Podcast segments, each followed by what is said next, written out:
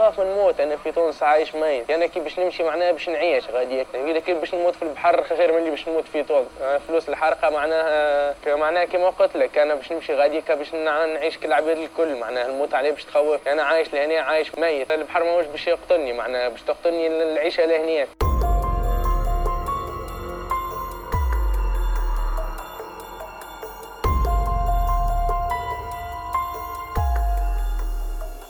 أهلا بكم. مع الأسف ما استمعتم إليه يمثل فكرة 70% من الشباب العاطل عن العمل في تونس الذي تفاقمت وضعيته السيئة خاصة بعد انتشار جائحة كورونا في العالم. فالشاب التونسي العاطل عن العمل لم يعد يطمح إلى إيجاد فرصة في بلده. هو يرغب في تغيير الوضعية تماما ويخيل له بأنه إذا غادر تونس بأي طريقة كانت فبالنسبة له كل الطرق تؤدي إلى روما وفعلا هذه هي وجهته. فمن جزيرة لمبدوزا إلى روما مباشرة حيث يتخيل الشاب التونسي بأنه سيجد جنان الأرض فاتحة ذراعيها له حيث لا فقر ولا خصاصة. ظاهرة الهجرة غير الشرعية في تونس ليست بجديدة أو ما يسمى بالحرقة ولكن ما يبعث على الدهشة والاستغراب أحيانا وعلى الحزن في أحيان كثيرة هو أن الشاب التونسي لم يعد يحرق أو يغادر الحدود التونسية نحو إيطاليا خلسة بمفرده. هناك عائلات كاملة بكل أفرادها تنطلق وتركب قوارب الموت في أمل منها لتغيير واقعها المرير. منذ أسبوع تقريبا استوقفتني صورة غريبة ومحزنة تعكس وضعا يدمي القلوب. صورة أب شاب في مقتبل عمره يحمل بين ذراعيه في قارب الموت ابنه الرضيع الذي لم يتجاوز بعد السنتين. إذا مستمعينا في حلقة اليوم من بودكاست في عشرين دقيقة نعود وإياكم على ملف ساخن جدا في تونس خاصة في هذه الفترة التي عادت فيها كورونا لتضرب بقوة في مختلف بلدان العالم. ملف الحرقة أو الهجرة غير الشرعية من الحدود التونسية إلى إيطاليا. ضيفنا اليوم سيكون المحلل الاقتصادي والمتخرج من جامعة أوكسفورد السيد نادر حداد الذي يرافقنا برأيه وبتحليله في قضية اليوم على راديو الآن. ابقوا معنا.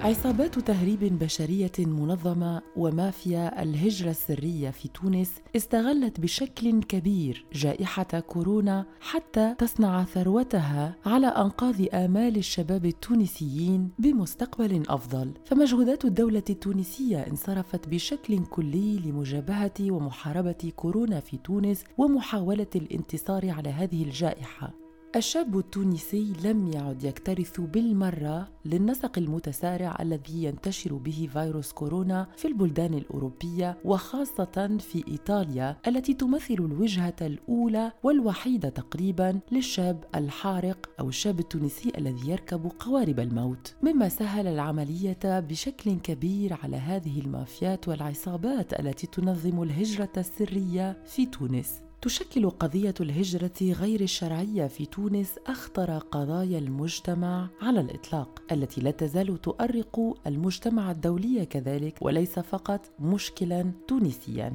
هذه القضية هي شديدة الحساسية لكونها تمس جميع شرائح المجتمع بحيث أصبحت الظاهرة لا تقتصر على الشباب خاصة الذكور منهم بل ارتفع كذلك عدد الإناث اللائي يخترن أن يغادرن البلاد للبحث عن مستقبل مستقبلهن المشرق. كذلك العائلات كثرت وكثر وجودها على هذه القوارب والظاهرة طالت حتى الرضع الذين لا يملكون طبعا مصائرهم بأيديهم ولكنهم مرتبطون بأهاليهم.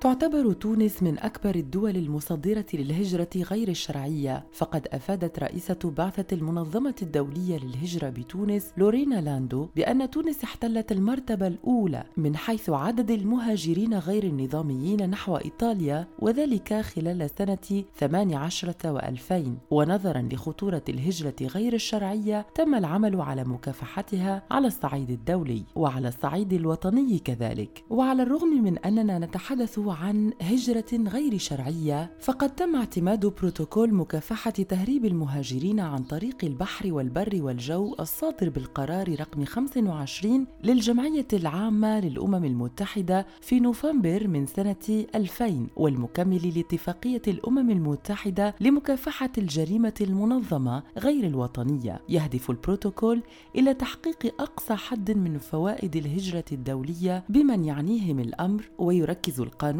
كذلك على ضرورة معاملة المهاجرين النظاميين أو السريين معاملة إنسانية وذلك لحماية حقوقهم. حماية تامة ومحاربة كل أشكال أنشطة الجماعات الإجرامية المنظمة في مجال تهريب المهاجرين وسائر الأنشطة الإجرامية ذات الصلة الموضحة في البروتوكول. هذا الأخير حث كذلك كل دولة طرف باتخاذ ما قد يلزم من تدابير تشريعية وتدابير أخرى لتجريم الأفعال التالية في حال ارتكابها عمدا من أجل الحصول بصورة مباشرة أو غير مباشرة على منفعة مالية أو منفعة مادية أخرى. مثل إعداد هويات ووثائق سفر مدلسة أو تسهيل الحصول على وثيقة من هذا القبيل أو المساعدة في الحصول عليها أو حيازاتها. وتمكين شخص ليس مواطنا أو مقيما دائما في الدولة المعنية من البقاء فيها دون التقيد بالشروط اللازمة للبقاء المشروع في تلك الدولة وذلك باستخدام الوسائل غير المشروعة. وتم كذلك إقرار الاتفاقية الدولية لحماية حقوق جميع العمال المهاجرين وأفراد أسرهم والصادرة بقرار الجمعية العامة للأمم المتحدة رقم 158 بتاريخ الثامن عشر من ديسمبر لسنة 90 وتسعمائة وألف. دعونا إذا مستمعينا صحبة ضيفنا لهذا اليوم السيد نادر حداد المحلل الاقتصادي. نضع الأمور في إطارها. بعد أن تعرفنا على الاتفاقيات الدولية في هذا الشأن. في أول حديثه ركز السيد نادر نادر على قضية الاقتصاد الدولي الذي تغيرت ملامحه وتداعى خاصة بعد جائحة كورونا وهكذا كان تحليله. شهد العالم أزمة غير مسبوقة وصدمة اقتصادية كبرى بعد أزمة الأزمة الصحية التي أثرت على الاقتصاد العالمي. بصفة عامة وأثرت على جميع البلدان إن كانت هذه البلدان آه، بلدان غنية أو بلدان آه، يعني البلدان الفقيرة كذلك. بالنسبة للوضع العام أو الوضع الاقتصادي العام في تونس هو مثل جميع البلدان التي تضررت بهذه الأزمة لعدة أسباب وترجع هذه الأسباب إلى شلل شبه تام في الاقتصاد. بطء الحركة الاقتصادية وتوقف التصدير. توقف كذلك الاستثمار الخارجي أو الاستثمار الأجنبي في تونس نظرا لتعطل الحركة الجوية. هذا هذا كتقييم أولي. شفنا أنه كذلك العديد من القطاعات التي تضررت القطاع السياحي الذي كان في العادة يدر على الدولة التونسية بالعملة الصعبة وهذا آه، سيسبب مشكل جد كبير في الاحتياطي آه، يعني في احتياطي التونسي من العملة الصعبة. سيزيد من حاجة تونس إلى التداين الخارجي والاعتماد على القروض الخارجية إن كانت قروض آه، يعني بيلاترال أو يعني أو في إصدار سندات.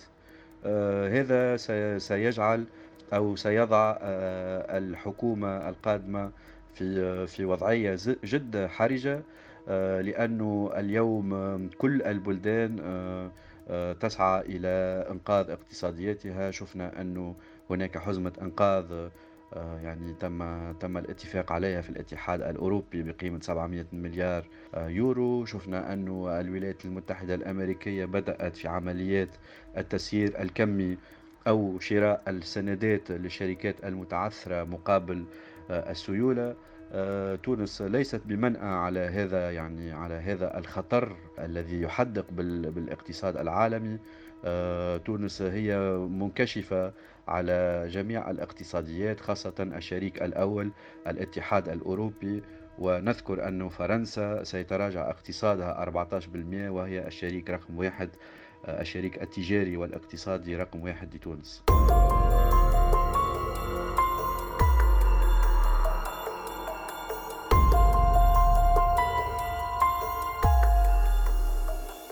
كانت أقوى اقتصادات العالم شهدت انكماشا في هذه الفترة بسبب جائحة كورونا وانتشارها بشكل وحشي، فمن الطبيعي جدا أن تتأثر كذلك الاقتصادات الهشة التي تملكها الدول النامية والتي حتى بدون كورونا تعاني من التراجع.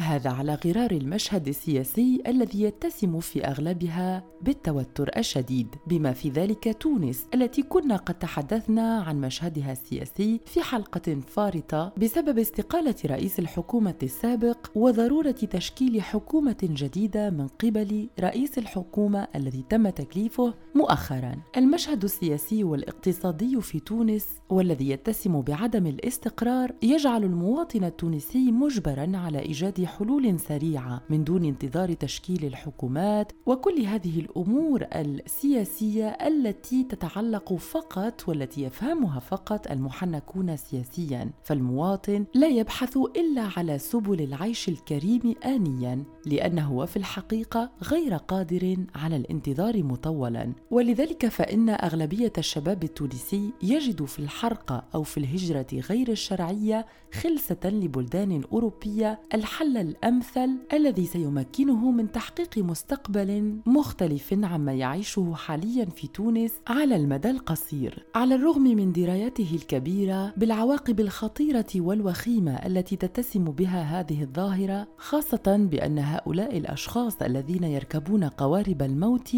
ويخوضون في عرض البحر يعلمون بشكل تام بأنه من الممكن أن يتعرضوا للغرق في أي لحظة. وهذا فعلا ما كان مصير تسير أحد القوارب منذ ثلاثة أيام. قارب كان يقل عددا من المهاجرين السريين بين عائلات ورضع وشباب. لم ينجو منهم سوى شخص فقط تعلق بقشة كما يقولون تعلق بزجاجة بلاستيكية فارغة. وكأن في هذه الصورة تجسيدا لذلك الأمل الضئيل الذي يتعلق به الشاب عندما يتخذ قرار الحرقه أو الهجرة خلسة من تونس. هناك ارتباط جد قوي بين ظاهرة الهجرة الغير شرعية وجائحة كورونا آه، لأنه آه، التفاقم الفقر وتفاقم البطالة كذلك في البلدان المتضررة والبلدان الفقيرة التي ليست لها أي آه، التي ليست لها تغطية اجتماعية أو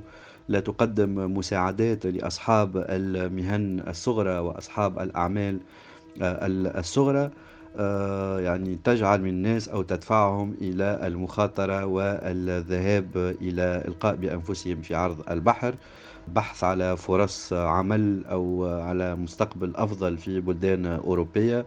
آه هذه جائحة كورونا آه يعني أشلت آه حركة الحركة الاقتصادية إن كانت يعني إن كانت مصانع كبرى أو من أو حتى الأعمال الصغرى آه، هذا أثر مباشرة على آه، الوضعية الاقتصادية والاجتماعية آه، في للطبقة المهمشة والطبقة الأكثر فقر وجعل من هذه الناس تختار الهروب للبحث على مستقبل أفضل لبحث على يعني آه، على بلدان آه، فيها أكثر عدالة اجتماعية. يتفق تقريبا كل الخبراء الاقتصاديين في تونس وفي العالم كذلك خاصة في البلدان التي تعاني من الهجرة السرية لبلدان أخرى بأن الواقع المرير للشاب عامة خاصة في ظل عدم وجود فرص عمل متوفرة في أسواق العمل هو ما يدفع به للهجرة غير الشرعية. الوضعية تفاقمت بعد جائحة كورونا مما مما أدى حتى إلى اختفاء المناصب والمهن التي كان يتمتع بها الشباب قبل كورونا. هي ليست هناك أي وصفة سحرية للبطالة. البطالة هو مشكل حقيقي ومشكل تعاني منه البلدان الغنية والبلدان الفقيرة. تونس ليست في منأى على هذه الظاهرة الاقتصادية التي تؤثر على الاقتصاد سلبا وتؤثر على الأمن والسلم الاجتماعي في البلدان. آه، نسبة البطالة في تونس جد مرتفعة. آه، تتجاوز العشرين بالمئة إن كانت لأصحاب الشهادة العليا أو لعدم حاملي الشهائد العليا. هذه المشكلة الحقيقية يجب إعادة نظرة في فلسفة الاقتصاد التونسي يجب أن تقطع تونس مع الاقتصاد الريعي. يجب أن يطبق القانون ب يعني بكل بكل نزاهة. يجب العمل على بناء سوق مفتوحة على احترام قواعد المنافسة على تحفيز المستثمرين الصغار وجلب المستثمرين الأجانب. جلب المستثمرين الأجانب في ظل هذه الظروف هو أمر هو تحدي جد كبير ولكنه ليس مستحيل. يجب أن تبعث تونس بإشارات سلبية عفوا إشارات إيجابية من خلال يعني استقرار حكومي من خلال توازنات مالية تسمح بدفع الاستثمار تسمح بدفع الباعثين الصغار كذلك. ويجب أن تدافع تونس على هذه المبادئ مبادئ النزاهة في في في في المنافسة وكذلك في تطبيق القانون لأن كل هذه الإشارات تبعث بالإشارات الإيجابية تبع يعني تجعل من المستثمر يختار تونس كبلد للاستثمار. هذا سيخفف من البطالة تدريجيا.